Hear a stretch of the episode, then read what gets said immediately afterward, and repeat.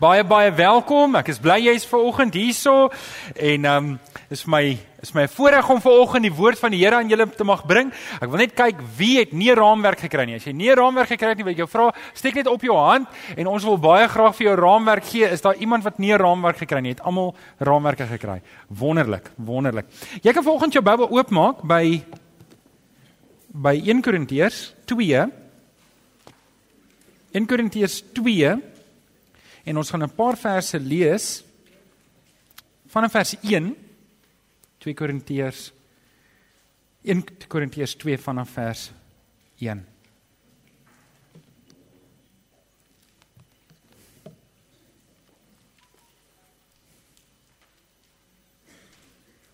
Alex het dit mooi gesê, ek wil dit net weer vasmaak. Um vir oggend herdenk ons die kruisiging van ons Here Jesus. Sondagoggend herdenk ons die opstanding. En ek wil julle almal nooi, ons is 9:00 hier weer bymekaar en as jy nie weg is nie, dan wil ek jou graag nooi om Sondagoggend ook die oorwinning oor die dood saam met ons te kom vier. Wil jy ons moet saam lees en hierdie paar woorde, hierdie een hierdie paar verse wat ons nou gaan lees lê swaar op my hart Uh dis hoe ek voel wanneer ek moet preek oor die kruisiging. En Paulus sê, hy sê wat my betref broers, toe ek na julle toe gekom het om die geheimenisvolle waarheid van God aan julle te verkondig, het ek nie met hoë woorde of groot geleerdheid gekom nie. Ek het my voorgenem om met julle oor niks anders te praat as oor Jesus as die Christus en wel oor hom as die gekruisigde. Bewus van my swakheid en my groot angs en huiwering het ek na julle toe gekom. Die boodskap wat ek verkondig het, het julle oortuig, nie deur geleerdheid en welsprekendheid nie, maar deur die kragtige werking van die Gees. Dis is julle geloof, nie op wysheid van mense gegrond nie, maar op die krag van God. Net weer vers 2 saam met julle lees. Ek het my voorgenem om met julle oor niks anders te praat nie as oor Jesus as die Christus en wel oor hom as die gekruisigde. Kom ons bid saam.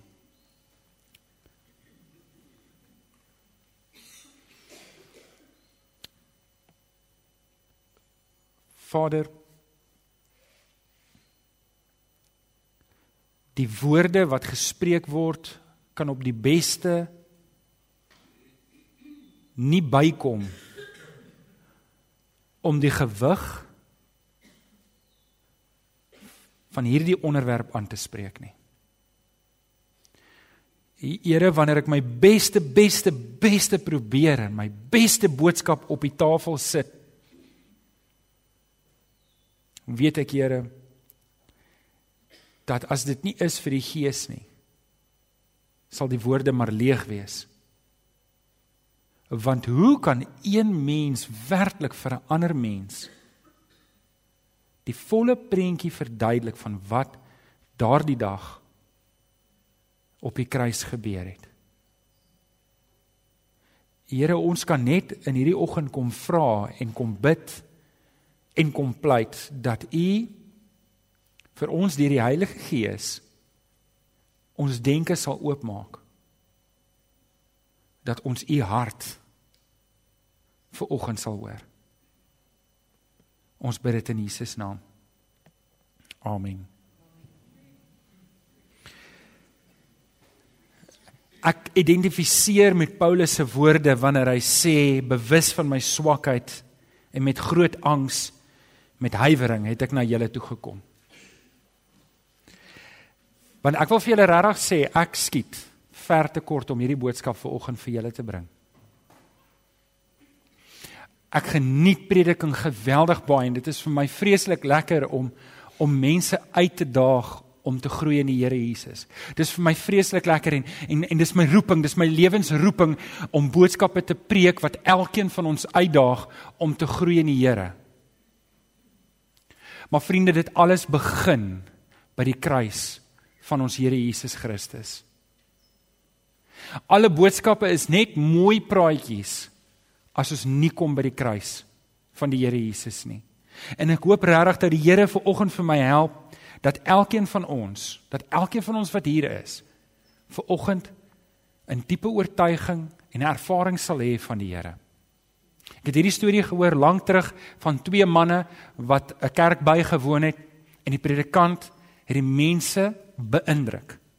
Hy was so goed voorberei, hy het elke woord perfek uitgespreek. Sy illustrasies was goed beplan. En toe die twee manne uit die kerk uitkom, toe stap hulle en die een man sê vir die ander man, "Wow, what a preacher. What a preacher." En die storie gaan verder dat 'n paar weke later is hierdie twee manne weer saam kerk toe. En die predikant het gepreek oor die kruis van die Here Jesus en wat daardie dag plaasgevind het. En hoe die Here Jesus se liggaam verniel was vir ons sondes. En die twee manne het diep geraak uitgestap. En hulle het vir mekaar gesê, "Wow. What a God." My gebed regtig vir oggend is dat elkeen van ons wat hier uitstap, aangeraak deur die Heilige Gees, hier uitstel stap en sê, "What a God. What a God." Ons het die ons ons het die laaste week het ons gekyk na die leidingsweek en ek wil dit net opsom maar voordat ek dit opsom terwyl ek voorberei het ek myself gevra waar gaan ek preek? Want dan kyk ek van 2012 2013 en mense wil 'n vars boodskap hê mense wil reg wees en mense wil mense wil hier kom en mense wil die groot grootheid van die saak van die kruisiging wil ek aan julle oordra op 'n manier dat as 'n mens hier uitstap dat 'n mens sal vergeet dit is publieke vakansie daar en 'n mens is nou in 'n vakansietyd my gebed is so dat hierdie nie vir jou 'n vakansietyd sal wees nie maar 'n tyd van redding en 'n tyd sal bewustheid van wat die Here kom doen het vir ons. En en, en terwyl ek voorberei, toe dink ek, moet ek moet ek preek oor Genesis 1 tot 3. Moet ek preek oor hoe die Here, hoe die Here, die God van Abraham, Isak en Jakob 'n kompromie aangegaan het. En hoe in Genesis die Here vir Adam gesê het, Adam, as jy van daai boom eet, sal jy sekerlik sterf. En en toe toe hulle daarvan eet, toe kom die Here en hy maak 'n kompromie en, en hy stuur hulle uit die tuin uit. En en hoe hoe 'n 2000 jaar later stuur hy sy seun om aan die kruis te sterf vir hulle sondes. Ek, het gewonder of ek daaroor moet spreek. Ek het gewonder of ek moet spreek oor Abraham en die verbond met Abraham, iets waarmee ons tog goed bekend is. Ek het gewonder of ek daaroor moet spreek om om te sê, luister vriende, die verbond van Abraham kry sy vervulling in die Here Jesus. Om te sê deur jou Abraham sal al die nasies van die wêreld geseën word. Deur jou Abraham sal die Here Jesus Christus gebore word. Dit gedink ek moet dalk daaroor preek of dalk oor Abraham wat vir Isak moes gaan offer het. En op pad berg toe vra sy seun vir hom pa, maar hier is die hout en hier is die vuur. Maar waar is die offerlam? En Abraham se woorde kyk vorentoe na Christus en sê God sal die lam verskaf. En hy het dit gedoen op die kruis. Ek het ek het gewonder of ek daar ek het gewonder of ek moet preek oor Moses wat in Egipte is en hy's reg om die volk uit te lei. En hoe hulle 'n lam moes vat, 'n perfekte lam en hom moes moes omslag, geen been van hom breek nie en die bloed teen die pilare smeer sodat die kinders kon lewe. Ek het gewonder of ek daaroor moes spreek of julle te vertel maar hierdie lam, hierdie offerlam is eintlik die Here Jesus. En Jesus het self gekom en het die Pasga omgedraai en hy het gesê die Pasga is die ou bedeling, ons kom ver oggend by die nagmaal. Ek het gedink ek wil ver oggend met julle praat oor die vier evangelies. Ek het gedink ek wil ver oggend met julle praat en ek wil vir julle wys hoe vier manne die evangelie neergeskryf het, dieselfde evangelie, maar teen 'n ander agtergrond. Ek wil ver oggend met julle gesels oor Matteus, Hoe het Matteus die Here Jesus beleef? Ek wil vanoggend met julle gesels oor Markus en hoe hy die Here Jesus beleef het. En en Lukas en Johannes. Ek gaan vanoggend met julle praat daaroor, maar kom ons kyk net gou-gou eers weer. Laas Sondag het ons Palm Sondag gehad. Julle onthou dit. En en julle het die SMS'e gekry. Die Maandag het die Here Jesus in die tempel ingegaan en het vir hom 'n sweep gemaak, want julle sal onthou Kajafas was aangestel deur die Romeine, nie deur die Jode nie, nie deur God nie. En wat hy gaan doen het, is hy die tempel opgedeel in so goed wat jy kan noem 'n vlooi mark. En en hulle het wins gemaak uit die hele storie uit en hulle moes kommissies betaal ook aan die keiser en en en en die Here stap daar in die tempel en, en hy jaag hulle almal uit. Hy sê want my huis sal 'n huis van gebed genoem word. So dit was die maandag, die dinsdag het hy die het hy die hele dag geloop en hy het gelykenisse vertel en het hulle geleer. Maar die grootste gelykenis wat hy daardie vertel het, het gesê as die koringkorrel nie in die grond val en sterf nie, kan dit nie 'n oes oplewer nie. En daarna hy het verwys na homself. 'n Woensdag het Maria Magdalena wat waarskynlik 'n erfstuk was, haar nardesolie op die Here Jesus se voete gebreek. Nou daai erfstuk, daai nardesolie was waarskynlik tussen 2 of 300 000 rand werd. En sy het dit gebreek op Jesus se olie, sy voete en en dit met haar hare afgevee. Die donderdag wat nou gister was, het Jesus die die nagmaal ingestel en ons gaan nou-nou die nagmaal gebruik en vriende by ons gemeente is daar net een voorwaarde vir om die nagmaal saam met ons te gebruik en dit is jy moet 'n kind van die Here wees. Jy moet die Here Jesus ken as verlosser. Jy hoef nie lidmaat te wees van ons gemeente nie, maar as jy 'n kind van die Here is, mag jy ver oggend saam met ons nagmaal gebruik. En na dit het Judas gekom om met te soen hy. Dieselfde mense wat wat vroeër geroep het Hosanna Hosanna is dieselfde mense wat hom toe hof toe sleep en is sommer 'n hof wat hulle self opgemaak het en die Jode het hom klaar skuldig bevind nog voordat hy opgedaag het. En hulle het hom oorgelewer aan Herodes en Herodes het hom gestuur na Pilatus toe. En Pilatus vra vir hom: "Maar is jy die koning van die Jode?" En hy sê dis soos hy is. En hy gaan Pilatus gaan uit na die mense toe en sê: "Maar mense, ek kry geen skuld by hierdie man nie." Hy sê: "Maar ons soek hom, kruisig hom, kruisig hom, kruisig hom." En Pilatus sê, "Maar dan gaan sy bloed op julle wees." En die volk skree uit en sê, "Laat daardie man se bloed op ons en ons kinders kom." En Pilatus het sy hande laat was in water en onskuld en gesê, "Ek gee hom oor aan julle, maar julle moet doen selfverantwoording." En Jesus is oorgegee aan die Romeinse soldate en hulle het met hom erg spot gedryf. En julle moet verstaan, die Romeinse soldate het dit geniet om mense te martel. Dit was hulle geleentheid om te kyk hoe lank hulle marteling kan uithou. Nou die keiser het die grootste en die sterkste manne, waarskynlik het al daai manne meer as 100 kg geweeg. Hulle was fris, waarskynlik meer as 2 meter lank. As 'n Romeinse soldaat jou met die vuis sou slaan, daar waar hy slaan, breek dit. Hulle het Jesus teen die kop geslaan en die gesig geslaan. Navorsing sê dat Jesus sou waarskynlik harsingskudding gehad het na die eerste 2 of 3 houe. Toe hulle hom kaal uitgetrek, hulle het vir hom hulle het vir hom 'n perskleed opgesit, hulle het met hom die spot gedryf met 'n sweep geslaan. Hy was so gemartel teen die tyd wat hy die kruis moes opneem, was hy moeg. En het hulle Simon van Sirene gevra om sy kruis te dra want hy kon dit self nie dra nie. En daar het hulle groot staal spykers waarskynlik deur die gewrigte gekap en hom opgang deur die voete gekap. En daar het hy gehang. En dis hier waar ek wil stil staan. Is hier waar ek wil stil staan. En en ek wil julle vat. Ek wil julle vat na wie's hierdie man wat op die kruis hang? Wie's hierdie Jesus? En ons gaan ons ek, ek wil net vir 'n oomblik saam met julle kyk op julle raamwerke. Hoe hoe, hoe sien Matteus? As Matteus daar staan, wie is hierdie man wat hier hang? Wie's hierdie wie's hierdie Jesus wat wat so gemartel is? Hoe hoe sien Matteus hom? Hoe hoe sien Markus hom? Hoe sien Lukas hom en hoe sien Johannes hom? En ek hoop ek kan vanoggend vir jou vier prentjies gee van een man en wie hy is vir oggend. En ek hoop regtig dat die Here dit gebruik om jou aan te raak. So kom ons begin by Matteus. Wie is die man wat hier hang? Jy kan op jou raamwerk skryf daarso vir Matteus. Is dit die koning wat gekruisig word? Vir Matteus is dit die koning wat gekruisig word. Ons lees in Matteus 7 vers 27 eh, vers 11. Jesus is voor die goewerneurs gebring en die vra vir hom: "Is jy die koning van die Jode?" En Jesus antwoord vir hom: "Dit is soos hy sê. Nou al die evangelie sê hy is die koning van die Jode, maar weet julle reg deur Matteus. Matteus skryf eintlik vir die Jode. Hy skryf vir die Joodse Christene en hy en hy hy, hy wil vir hulle sê, luister, hierdie Jesus wat ons gekruisig het. Hierdie Jesus wat hulle daardie dag gekruisig het. Hy's werklik. Hy's werklik die koning van die Jode. En hoekom dit belangrik sou wees vir die Jode is want hulle het 'n Messias verwag. Hulle het verwag en as jy Matteus 1 oopmaak en jy begin Matteus lees, dan begin dit daar by Adam. En dit gaan van Adam tot by Abraham. Want sien wat Matteus wil doen is hy wil hê jy moet weet dat Jesus is die nageslag van Abraham. Maar hy stop nie daar nie. Hy gaan dan tot by Jakob en hy sê Jakob se 12 seuns, hierdie Jesus kom uit die lyn van Juda uit. Het julle al ooit gehoor hy's die leeu van Juda?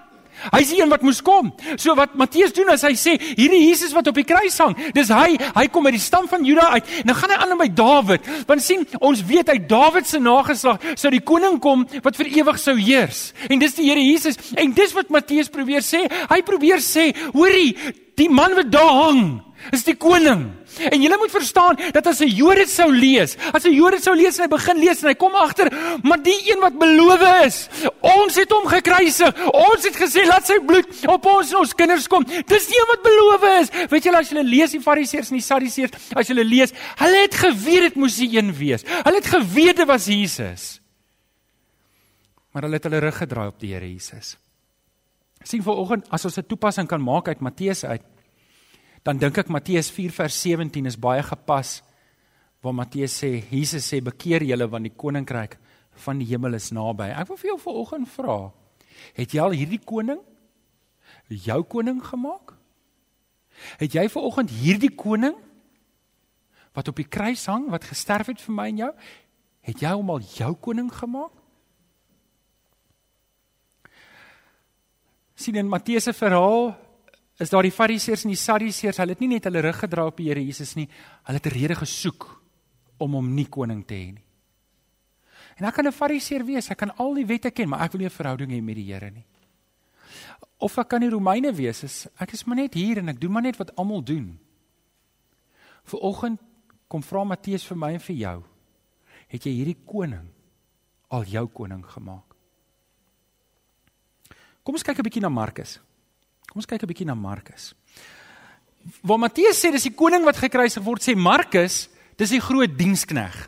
Dis die groot dienskneg wat gekruisig word. In Markus 10 vers 45 staan daar: Die seun van die mens het ook nie gekom om gedien te word nie, maar om te dien en sy lewe te gee as losprys vir baie mense. Weet julle wanneer jy Matteus deurlees van begin tot einde, tel jy iets op. Waar waar Matteus het onderliggend die heeltyd van hierdie is die koning. Hierdie is die koning en hulle praat die heeltyd van woorde soos 'n koninkryk, 'n nuwe koninkryk en ons wette en ons reëls. By Markus het ons heeltemal iets anders. By Markus, weet jy as jy Markus 1 lees, jy lees niks van is van van die Here Jesus se geboorte nie. Jy lees nie van skape nie. Jy hoor, jy lees nie van sterre nie. Jy lees niks. Jy lees net Johannes die Doper het gesê hierdie man Jesus sou kom en dan in hoofstuk 2 lees ons Jesus word gedoop. Met ander woorde wat Markus doen, Markus vat omtrent al die wonderwerke en hy vat dit weg van die Here Jesus af en hy probeer vir my en jou 'n prentjie skets. Hierdie is die man wat 'n dienskneg is. Hy het gekom om my en jou te kom dien. En weet julle selfde, waar Matteus en Lukas en Johannes is ryk aan wonderwerke aan die kruis. Daar's omtrent 7 wonderwerke.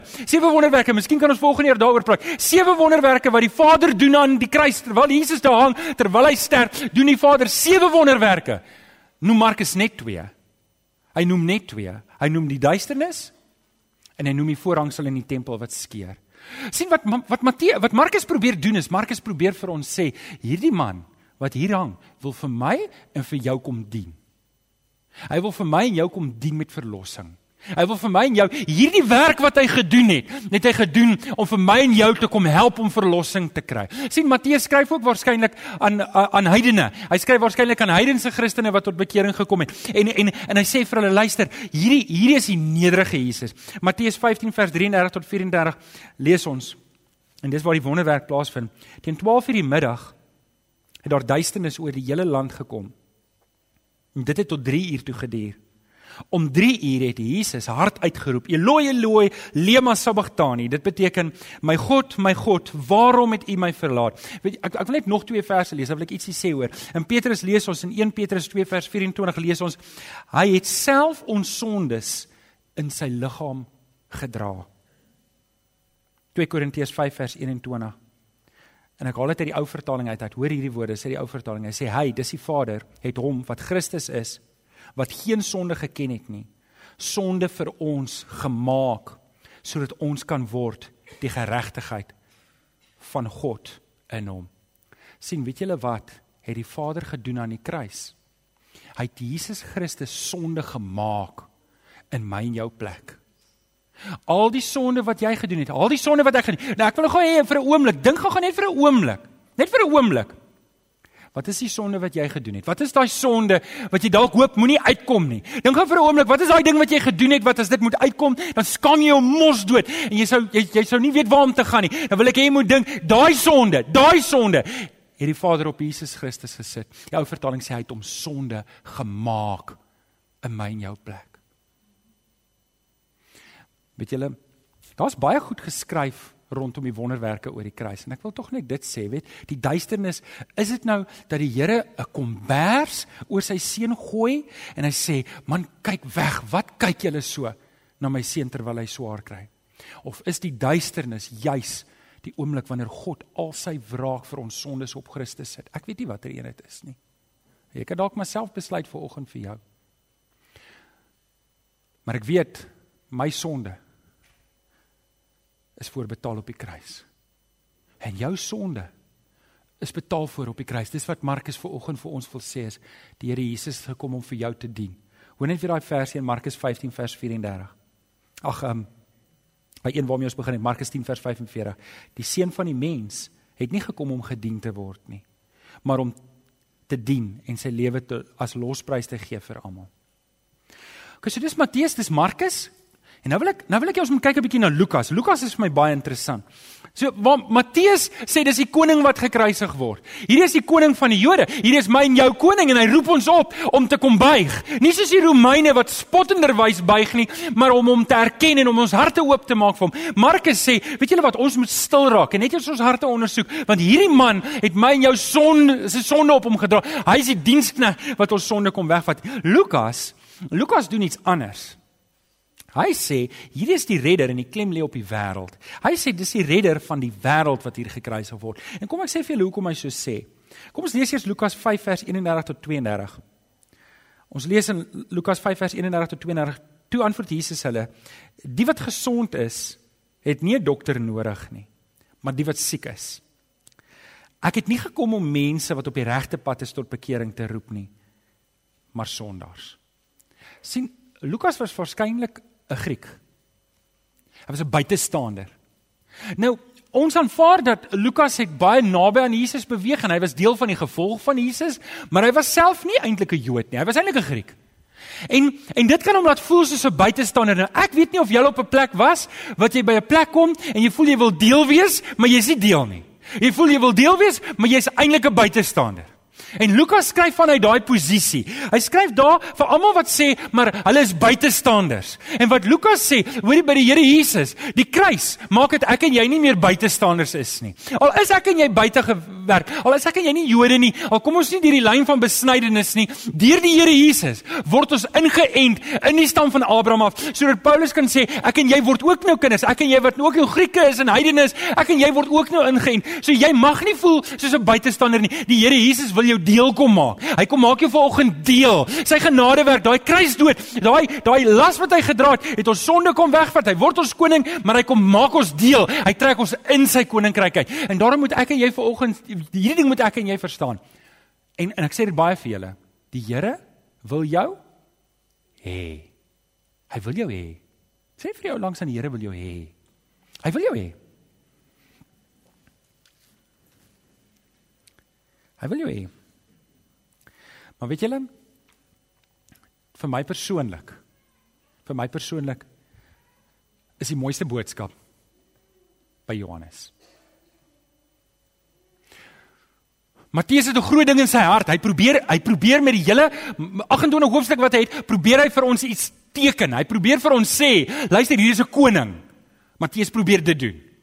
En ek wil vir julle vanoggend sê, ek kan vir die Here dankie sê dat 15 15 Augustus 1994 het het die Here Jesus my koning geword. Daai dag, ek het hom nie gesoek nie. Ek kan vir julle eerlik sê, ek het hom nie gesoek nie, maar hy het my gesoek. Die Here het my kom kry daar waar ek is.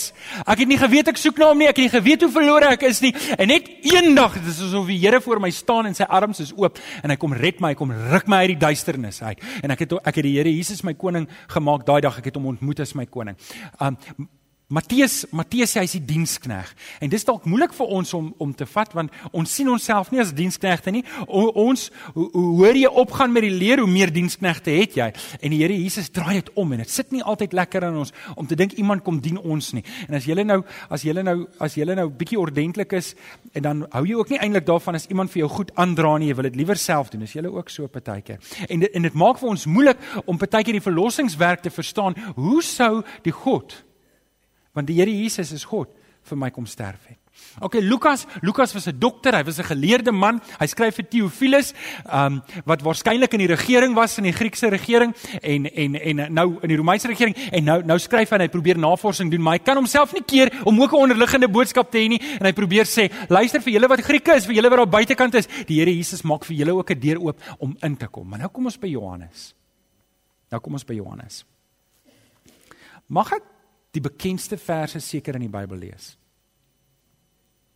Die bekendste verse in die Bybel. Jo, Johannes 3 vers 16. Maar ek wil vers 17 saam lees. En wat Johannes doen? Wanneer ek Johannes lees, ek kry ek 'n idee. Johannes was dalk die meer emosionele een tussen hierdie skrywers. Matteus het meer 'n statigheid aan hom van ons praat die koninklike taal, koninkryk en reëls en regulasies. Markus praat met 'n baie plat taal en hy's nederig en hy koppel al sy sinne, die van julle wat die ou vertaling het sal sien, hy gebruik die woord en geweldig baie, Griekse woord kai. En en en hy sit omtrent nie punte nie. Omtrent die hele Markus is een sin, asof hy haastig is om die Nou Lukas, hy skryf 'n netjiese af want hy was 'n geleerde man, afgeronde taal, maar Johannes, Johannes taal is gelaai met emosie. En nou sê hy in Johannes 3 vers 16 tot 17, God het die, die wêreld so lief gehad dat hy sy enigste seun gegee het sodat die wat in hom glo nie verlore sal gaan nie, maar die ewige lewe sal kry. Vers 17. God het nie sy seun na die wêreld toe gestuur om die wêreld te veroordeel nie, maar sodat die wêreld deur hom gered kan word.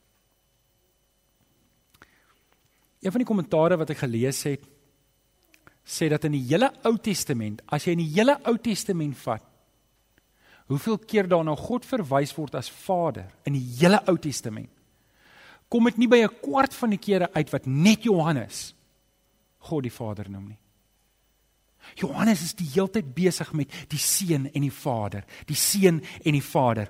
Matteus is dit 'n koning, en Markus is dit die, die groot dienskneg, en Lukas is die Here, die groot verlosser van die mensdom. Maar Johannes, en Johannes is daar iets anders. Hierdie, hierdie man wat hier hang, hierdie man wat hier hang, is die enige man nie. Hierdie man wat hier hang en hy begin dit al vroeg. Dis die enigste, hoor gou mooi, die enigste seun van God. Ek weet nie wie van julle sit hier en het het al iemand verloor wat dierbaar was vir jou nie. Weet julle, ek het in 2010 4 Januarie toe ek my ma en pa verloor. En uh, meeste van julle ken die storie en ek ek was dit was 'n groot, dit was 'n moeilike jaar.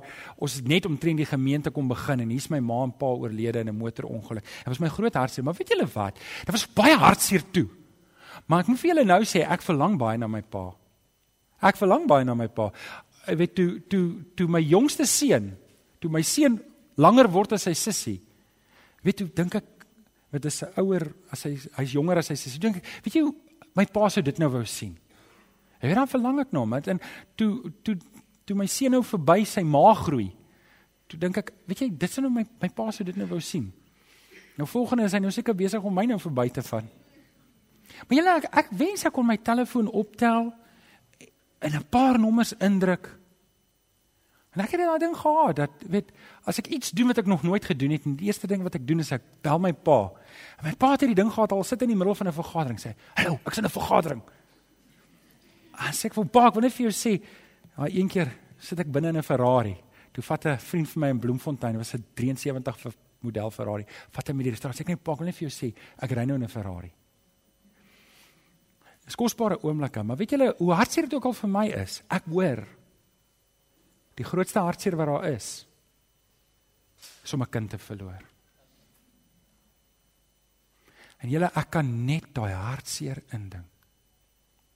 Ek kan net daai hartseer indink en Johannes skets die heeltyd hierdie man wat hier hang is die seun van God.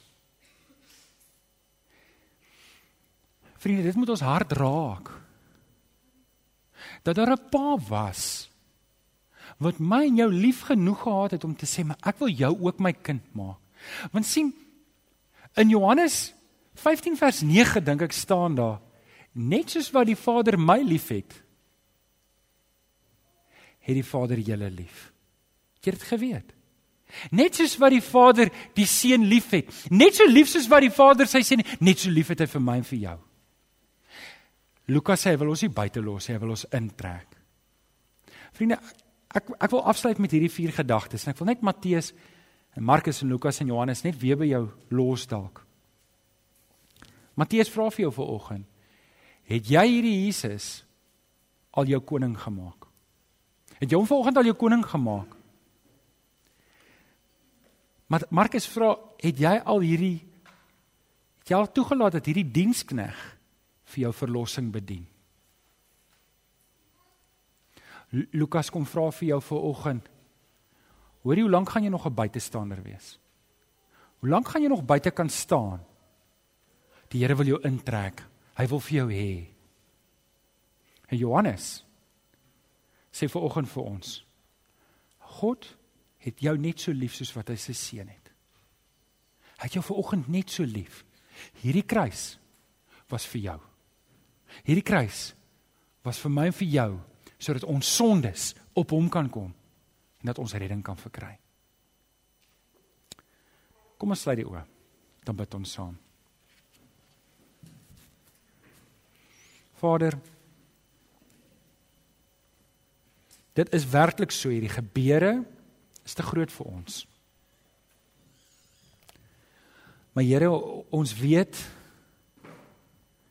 dat Johannes sê in Johannes 1 vers 12 dat aan almal wat hy aangeneem het, het hy die reg gegee om kinders van God genoem te word en en Here al verstaan ek nie alles so nie. Al al, al weet ek dat daar's goed wat wat ek nie heeltemal verstaan nie, my verstand is te klein daarvoor. Weet ek Here dat dat U aanvaar my nog steeds. Vader, ons kan maar net bid. Kom maak hierdie gebeure weer 'n werklikheid deur die Heilige Gees in ons harte. Ons bid dit in Jesus naam. Amen.